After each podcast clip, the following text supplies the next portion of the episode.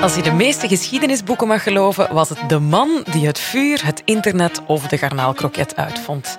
Maar tussen de vouwen van de geschiedenis zitten een pak baanbrekende vrouwen verborgen. In de podcast Baanbreeksters gaat Knak Weekend op zoek naar die vrouwen. Vergeten vrouwen met een uitzonderlijk verhaal die België en soms ook de wereld veranderd hebben. In deze aflevering hoor je het verhaal van Caroline Pop, de eerste Belgische journaliste en de eerste vrouw die bij ons aan het hoofd stond van een krant. Een verhaal verteld door Knak Weekend-journalist Wim de Nolf, die ging praten met een aantal experts. Een vrouw met een uniek schrijverstalent. Iemand die op journalistiek en literair vlak het hele gamma bestrijkt. Zo werd Caroline Pop omschreven door Victor Hugo, de Franse schrijver met wie ze ook bevriend was. Ze leidde meer dan 50 jaar een krant, veroverde een belangrijke plaats in het politieke debat van de 19e eeuw en schreef boeken die Brugge mee op de internationale kaart zetten. Journalist Wim de verdiepte zich in het leven van Caroline Pop. Dag Wim. Dag Lisa. Hoe kwam ze erbij om vroeg in de 19e eeuw de eerste vrouwelijke journaliste van het land en zelfs hoofdredacteur te worden?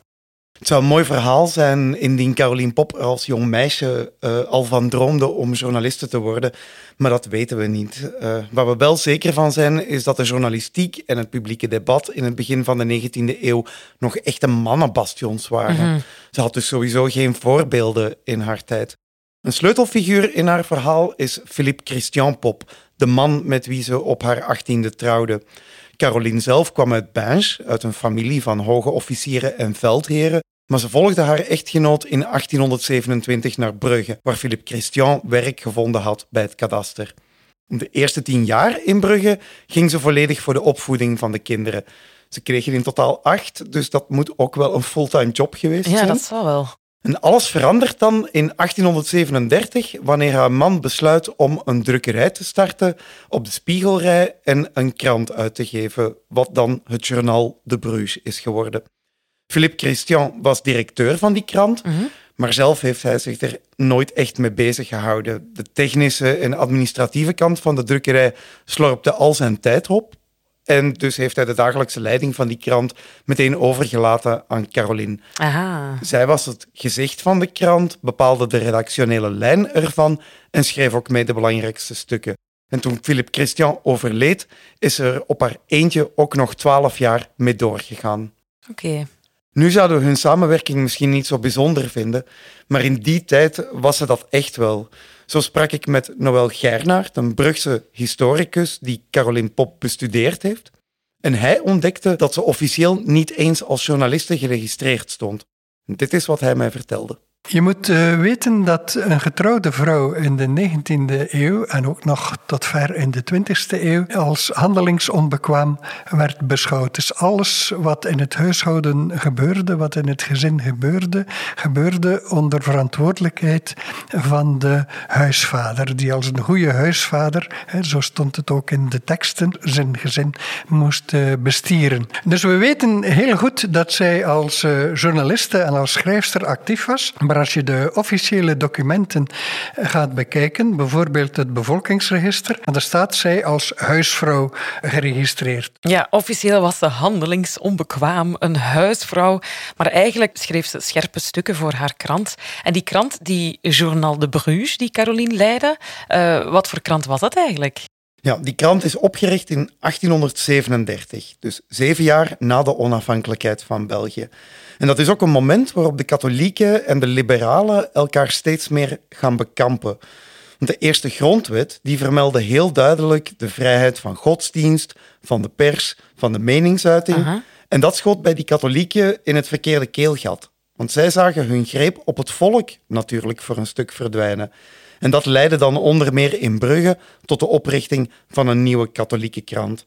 Philippe Christian en Caroline Pop van hun kant, dat waren overtuigde liberalen. En zij vonden dat er als tegengewicht dan ook een nieuwe liberale krant moest komen. En het Journal de Bruges is dus altijd de spreekbuis van de liberale burgerij in Brugge geweest. Een elite die in tegenstelling tot het gewone volk Frans sprak. Nu moet ik wel zeggen dat Caroline Pop daar altijd haar eigen invulling aan heeft gegeven.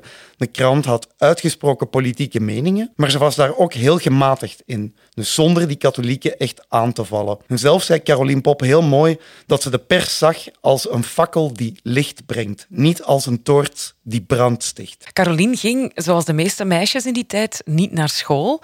Uh, maar hoe is ze dan zo taalvaardig en wel bespraakt geworden dat zij hè, een, een topjournaliste en hoofdredacteur kon worden?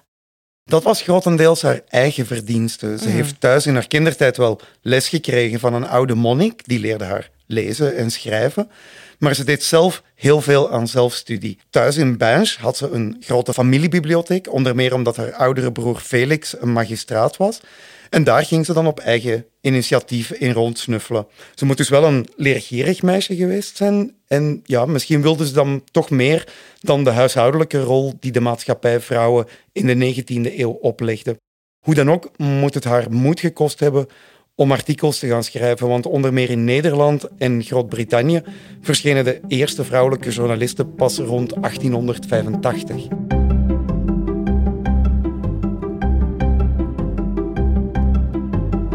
Caroline Pop was dus echt wel een pionier. Zeg, die artikels die zij schreef, waarover gingen die zoal? De enkelingen die haar bestudeerd hebben, omschrijven haar als een echte allround journaliste. Ze schreef over culturele evenementen en de nood aan ondernemerschap in mhm. Brugge, maar evengoed over opvoeden en de echte politieke hangijzers in die tijd. Zo was ze een fervente tegenstander van de doodstraf en de guillotine. Die vond ze ronduit barbaars. En een ander thema dat haar nauw aan het hart lag, waren de levensomstandigheden van het gewone volk. Zo schreef ze over de werkelijk mensonterende omstandigheden waarin vrouwen en minderjarigen moesten werken in de fabrieken en ijverde ze ook voor hogere lonen voor de arbeiders. Sowieso was solidariteit met de zwakste in de samenleving heel belangrijk voor haar. Toen koningin Louise Marie in 1850 overleed bijvoorbeeld en er fondsen verzameld werden voor een standbeeld, schreef ze dat de overheid dat geld beter kon besteden aan crèches of liefdadigheidsinstellingen. Ah ja, ze kwam dus echt wel op voor de minder begoede klasse. Dat moet uh, toch wel een behoorlijk geëngageerde vrouw geweest zijn. Ja, dat was Caroline Pop ook. Alleen was ze daar niet altijd even consequent in. Zo was ze een groot voorstander van de wet op de dronkenschap. Een wet die er bijna 30 jaar na haar dood ook is gekomen. Maar daar schreef ze dan ook het volgende over. In welgestelde kringen tast het gebruik van geestrijke dranken de waardigheid en de gezondheid weinig aan, maar in de onderlaag van de bevolking leidt het vaak tot misdaad. Dus met andere woorden, drank moest aangepakt worden, maar dan toch vooral bij de kleine man. En ook voor het algemeen stemrecht bijvoorbeeld was ze helemaal niet te vinden. Daar was het gewone volk in haar ogen gewoon te ja, analfabeet voor. Nu moet ik erbij zeggen dat Caroline Pop heel intensief voor het algemeen onderwijs pleitte. Ze vond dat mensen meer kansen in het leven moesten krijgen. Maar ja, het blijft dan toch vreemd dat ze het niet zag zitten om het volk voor zichzelf te laten spreken. Ik heb Noël Gernaert die bedenking ook voorgelegd, maar in zijn ogen past dat eigenlijk allemaal bij de kringen waarin Caroline Pop zich bewoog. Zij had belangstelling voor het volkse leven en in haar novellen en zo heeft ze dat ook behandeld voor een internationaal publiek. Zij wilde dat de mensen dat leerden kennen en op die manier ook respect kregen voor volkse mensen. Maar zij bleef een vrouw uit de burgerij, uit de hogere klasse en haar kennissenkring, eh, haar relaties speelden zich hoofdzakelijk in dat milieu af. Het platteland, eh, het volk van de kust, het volk van Brugge, ze kenden dat. Ze behoorden er wel niet toe. Ze behoorde tot de geprivilegieerde hogere klasse en ze voelde zich daar goed bij. Het was geen sociale voorvechter, het was geen socialiste, het was een liberale vrouw die het, gewone volk wel kende, maar klassen zoals ze bestonden, daar niet aan tornde. Dat was niks voor haar om binnen uh, dat milieu zich uh, te gaan bewegen. Het verbaast me niet dat ze tegen het algemeen stemrecht was. Uh, niemand in die kringen was in die tijd voor het algemeen stemrecht. Men vond dat uh, ongeletterden, mensen die geen belasting betaalden, die, die moesten niet uh, stemmen. men zou wel wat morrelen aan wie wel mocht stemmen, wie niet mocht stemmen, als dat in het voordeel van de partij was. Algemeen stemrecht, dat was niet haar uh, bekommernis, in tegendeel. Nee, stel je voor dat iedereen zou mogen stemmen. Dat was nog een uh, vers in die tijd. Um, nu, Caroline Pop was als vrouw toen een unieke stem in de journalistiek. Maar gebruikte ze die ook om voor andere vrouwen op te komen? Ja, ook dat is een dubbel verhaal. Hè. Ze hamerde op het belang van het onderwijs en dan vooral voor huisvrouwen. Mhm. In 1865 steunde ze ook actief de oprichting van een vrijzinnige meisjesschool, zodat die meisjes aan de greep van de kerk konden ontsnappen. Tegelijkertijd schreef ze dan dat onderwijs het voor vrouwen makkelijker zou maken om hun kinderen op het rechte pad te houden, alsof die vrouwen niks anders met dat onderwijs hadden kunnen aanvangen. Sowieso noemde ze zichzelf geen feministe. Dat was voor haar een modeverschijnsel. En de huishoudelijke rol van vrouwen heeft ze ook nooit in vraag gesteld. Omdat ze bij leven ridder van de orde van Leopold II was gemaakt, een uitzonderlijke onderscheiding voor een vrouw in die tijd, had ze recht op een begrafenis met militaire eer maar daar wilde ze niet van weten. In haar laatste wilsbeschikking vroeg ze uitdrukkelijk om een gewone begrafenis. En ze schreef daarin dat ze nooit andere pretenties had gehad dan een goede echtgenote te zijn voor haar man mm. en een goede moeder voor haar kinderen. Dus een van de eigenaardigheden van Caroline Pop is toch dat ze als journaliste haar tijd ver vooruit was maar dat ze qua ideeën toch ook heel vaak een kind van die tijd was. En dat is ook Noël Gernaert opgevallen. Caroline Pop was in haar tijd een uitzonderlijke vrouw. Ze was intellectueel actief. Ze was journalistiek actief. Ze probeerde als vrouw een rol te spelen, een vooraanstaande rol in het leven van uh, Brugge en in het Franstalige culturele leven van de maatschappij uit die tijd. Mogen we haar daarom een feministe noemen? Ik denk dat zij door haar tijdgenoten inderdaad werd gezien als een uitzonderlijke vrouw, als een vrouw die anders was dan de normale huisvrouwen van haar tijd. En in die zin mogen we zeggen, inderdaad, ja, feministen, waarom niet? Ja. Maar je moet uh, toch in het achterhoofd houden dat dat een hedendaags uh, begrip is. Het opkomen voor emancipatie van de vrouw in het algemeen, dat eh, zie je pas vanaf het eind van de 19e eeuw. Zij moet zichzelf zeer duidelijk ook als een uitzondering hebben beschouwd. En het is in elk geval zo dat uh, zij haar kinderen en ook haar dochters heeft opgevoed in die zin. Hè. Dus haar dochters hebben na haar dood enige tijd ook de Journal de Bruges geleid. Dus zij moet uh, dat bewustzijn, dat zelfstandig bewustzijn als vrouw, moet zij ook gehad hebben. Maar om haar feministe te noemen, ja, dat vind ik een beetje te, te hedendaags. Hm, ja, ze voedde haar dochters op tot zelfstandige vrouwen die in haar voetsporen traden. Maar een feministe heeft Caroline Pop zichzelf nooit genoemd. Ehm, maar met die krant, de Journal de Bruges, die ze al die tijd leidde, heeft ze daarmee eigenlijk ook voor Brugge veel betekend? Ze had als opiniemaakster zeker uh, invloed op bepaalde ingrepen in de stad. En ze heeft ook echt haar schouders gezet onder de versterking van de culturele sector in de stad. Als je het nu bekijkt, had ze eigenlijk heel visionaire ideeën voor Brugge en de toeristische trekpleister dat het na haar dood ook geworden is. Veel van haar boeken over Brugge werden vertaald. En ja, die hebben de stad en de tradities zoals de kant bekendgemaakt in het buitenland. Niet alleen bij de Fransen, maar ook bij de Britten. Ze had dus echt een hand in die toeristische ontwikkeling van Brugge. Die ontwikkeling had de stad ook echt nodig, legde Noël Gernaert me uit. Omdat Brugge de industrialisatieboot had gemist en de armoede in de stad heel groot was. Je moet weten dat Brugge een heel verleden had van wereldstad, cosmopolitische wereldstad. Brugge nam echt het voortouw in verband met internationale contacten via handel, de havenfunctie die de stad ook uh, gehad heeft. Caroline Pop was als jonge vrouw naar Brugge gekomen en ze was onder de indruk van het verleden van Brugge, waarvan de sporen hier nog heel goed uh, zichtbaar waren. Anderzijds zag zij ook dat zij terechtgekomen was in een ingeslapen provinciaal stad, waar weinig economische activiteit was, waar ook een heel bekrompen geest rondwaarde en waar mensen eigenlijk bang waren van zichzelf. Dus zij wist dat Brugge een roemrijk verleden had gekend, maar zij knoopte daarbij aan en zij zei: We moeten daarbij aansluiten en opnieuw Brugge opstoten in de vaart der volkeren. Zij probeerde dus ook opnieuw economische ontwikkeling te stimuleren, de mensen aan te zetten tot ondernemingszin en tot initiatief. Als zij zoveel betekend heeft, ook in Brugge, waarom is ze dan niet bekender? Want ook onder journalisten doet haar naam vandaag, denk ik, zelden een belletje rinkelen hè, als vrouwelijke pionier in de journalistiek. Hoe komt dat? Ja, ze is zeker niet helemaal vergeten. Hè. Er zijn Caroline Popstraten in Brugge en Binge. En ze wordt ook wel beschreven in een paar historische werken. Maar ja, eigenlijk geeft dat toch niet goed weer wat voor een persoonlijkheid zij in haar eigen tijd was. Bij haar gouden jubileum als journalist in 1887 bijvoorbeeld, bot de volledige gilde van Belgische krantenuitgevers haar een banket aan.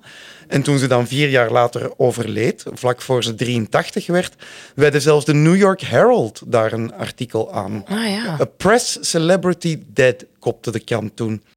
Ook met haar literair werk heeft ze echt wel een grote impact gehad, zeker in het Franse taalgebied.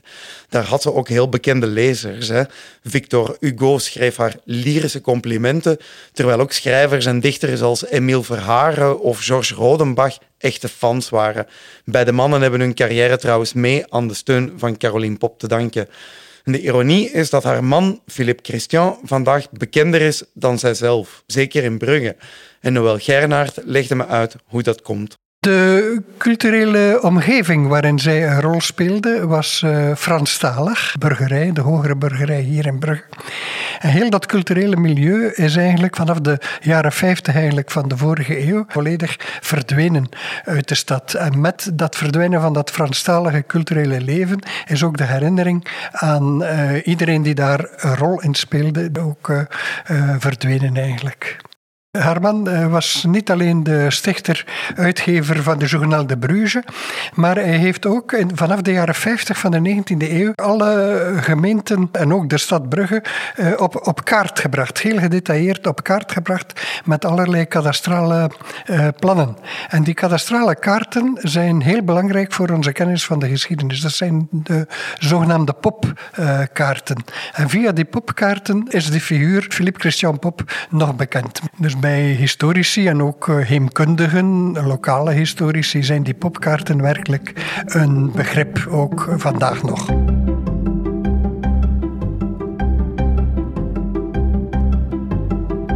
Ondertussen is er natuurlijk veel veranderd. Hè. Ehm, er zijn gelukkig veel vrouwelijke journalisten en hoofdredacteurs bijgekomen. Uh, bij de Standaard, het Nieuwsblad, de Gazet van Antwerpen, het Belang van Limburg. Daar zitten allemaal vrouwen in de hoofdredactie. Het lijkt in ieder geval toch zo dat het verschil man-vrouw bijna helemaal is weggewerkt, nee? Het lijkt inderdaad zo, maar de cijfers daarachter, achter die hoofdredacteurs, zijn toch minder positief. In 2019 was maar 28% van de Vlaamse journalisten een vrouw. En ook in veel andere westerse landen vormen ze maar ongeveer een derde van alle journalisten. Het probleem is zeker niet dat vrouwen er geen interesse in zouden hebben. In de journalistieke opleidingen is het aandeel meisjes best groot. Alleen stromen die achteraf dan niet door naar de journalistiek of blijven ze er toch niet lang in hangen. En de vraag is dan uiteraard waarom dat zo is en daarmee ben ik naar Sarah de Vuist gestapt. Zij is communicatiewetenschapper aan de Universiteit Gent en schreef enkele jaren geleden een boek over de genderongelijkheid in de journalistiek. In het algemeen zien we dat vrouwen iets jonger zijn dan hun mannelijke collega's. En dat hangt samen met verschillende factoren. En eentje daarvan is combinatie werk-gezin die heel moeilijk ligt. Er wordt heel veel verwacht van journalisten en ook de eis dat je altijd beschikbaar moet zijn, dat krijgt een heel extra concrete dimensie. Want met online verhaal en altijd aanwezig te zijn op sociale media, ben je altijd 24 op 7 beschikbaar. En iets dat daar ook bij speelt, is de traditionele verdeling nog altijd van uh, gender rolpatronen, waardoor dat vrouwen soms meer last dragen van, van de zorgtaken. Zo zien we dat vrouwen uh, vaker single zijn dan hun mannelijke collega's en vaker ook kinderloos zijn. Als we dan gaan kijken naar hoe de leeftijdsverhouding kruist met gender ook, zien we dat um, vooral in de jongste leeftijdsgroepen, dus onder de leeftijd van 34 jaar, dat we daar bijna een balans vinden. Als het echt gaat om de aantallen, mannen en vrouwen over het algemeen, maar dat het aandeel vrouwen echt daalt tot 1 op 5 als we gaan kijken in de leeftijdsgroep 55 plus. 1 op 5, ja, dat is wel triestig om te horen. Zouden er ook vrouwen afhaken omdat de redacties nog altijd overwegend mannelijk eh, zijn en er misschien een beetje een macho-sfeer hangt? Of is dat stilaan wel verleden tijd? Ja, de journalistieke wereld is zeker niet vrij van seksisme en vooroordelen. Mm. Vrouwen stromen veel minder door naar de leidinggevende functies binnen redacties. En ze hebben ook veel minder toegang tot sectoren als de politiek, economisch nieuws of sport. En een stereotype dat al lang meegaat, is dat vrouwen persoonlijkere stukken zouden schrijven. Dat ze meer empathisch of emotioneel zelfs schrijven. En daardoor belanden onderwerpen zoals mode, psychologie, kinderen en gezondheid nogal snel bij vrouwen of worden ze toch aangemoedigd zeg maar, om zich vooral daarop te gooien. En Sarah de Vuist organiseerde voor haar doctoraat dieptegesprekken met vrouwelijke journalisten.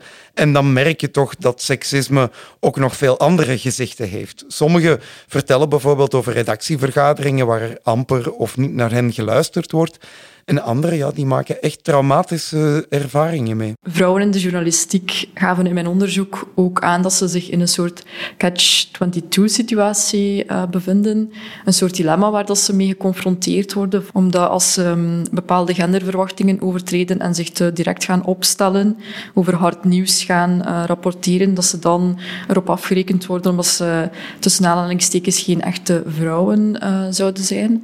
Terwijl dat als ze zich wel uh, conformeren aan genderverwachtingen, empathisch zijn persoonlijk, dat ze er dan op afgerekend worden omdat ze geen, uh, tussen aanhalingstekens, echte journalisten uh, zouden zijn. De laatste jaren is er ook nog een extra uitdaging die zich stelt, vooral naar vrouwelijke journalisten toe. En dat is dat we op sociale media en op de digitale platformen heel veel seksistische reacties zien. Uh, heel veel intimidatie die wordt geuit en vooral naar vrouwelijke journalisten toe. En dat pakket zorgt wel voor een extra drempel voor vrouwen. Soms is daar niet de, de nodige bijstand van de redactie voor. En dat is ook een van de redenen waarom dat vrouwen erover nadenken om uit het beroep te stappen of um, ook te maken krijgen met burn-outs. Ja, dat gaat een zeer nefast effect hebben op diversiteit in de journalistiek. Dat klinkt nog niet heel goed, hè? Um, wanneer het over vrouwenemancipatie gaat, wordt er ook heel vaak gesproken over de nood aan rolmodellen. Helpt het dan niet om historische figuren als Caroline Pop te hebben? Ja, rolmodellen in de journalistiek die kunnen meisjes alleen maar inspireren, denk ik, om daar ook voor te gaan. Maar in de opleidingen journalistiek is er, zoals ik al zei, eigenlijk geen probleem. Wat telt is waar vrouwen nadien mee te maken krijgen. De cultuur en het beleid op de werkvloer zelf. Zo hoorde Sarah de Vuist van vrouwelijke journalisten bijvoorbeeld dat er op hun redacties wel veel gesproken wordt over de balans werk-gezin of MeToo maar dat er dan geen concrete maatregelen volgen. Ik denk dat hoe meer vrouwen er in de journalistiek zullen werken, dat die inderdaad een rolmodel kunnen zijn voor andere vrouwen die in de journalistiek willen stappen.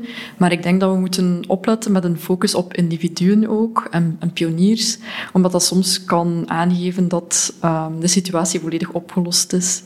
Bijvoorbeeld als één iemand hoofdredacteur wordt, dat het glazen plafond dan doorbroken is. Dat er dan vanuit gegaan wordt dat, uh, dat er geen structurele barrières meer zijn en dat het pad geëffend is voor andere vrouwen. Terwijl dat niet altijd zo is. Ik denk dat ook belangrijk is dat uh, diversiteit en de weg daar naartoe, dat dat niet enkel op de schouders komt van vrouwen of van mensen uit uh, etnische minderheden of van mensen die te maken krijgen met discriminatie, maar dat de redactie daar ook een rol speelt. Uh, een ondersteunende rol, zoals bij online intimidatie, als je daarmee geconfronteerd wordt, dat je toegang hebt tot steun op juridische uh, manier of psychologische ondersteuning, dat je uh, het gevoel hebt dat je redactie daar ook in steunt. Ja, Caroline Pop is zeker een rolmodel dus, maar ze heeft duidelijk in de 19e eeuw het glazen plafond nog niet finaal kunnen breken. Nadat je zoveel te weten bent gekomen over Caroline Pop, zou jij als journalist nu graag met haar samengewerkt hebben? Ja, dat vind ik heel moeilijk te zeggen. We weten heel goed wat ze gedaan heeft en dat is super indrukwekkend. Maar over haar karakter weten we eigenlijk niet. Ik denk dat ze voor mannen in die tijd een heel indrukwekkende vrouw moet geweest zijn. Een krant in goede banen leiden, jezelf als opiniemaker profileren. Daar moet je echt een leidersfiguur voor zijn. Dus ja, die straten in Assenbroek en Buins die zijn wel heel mooi.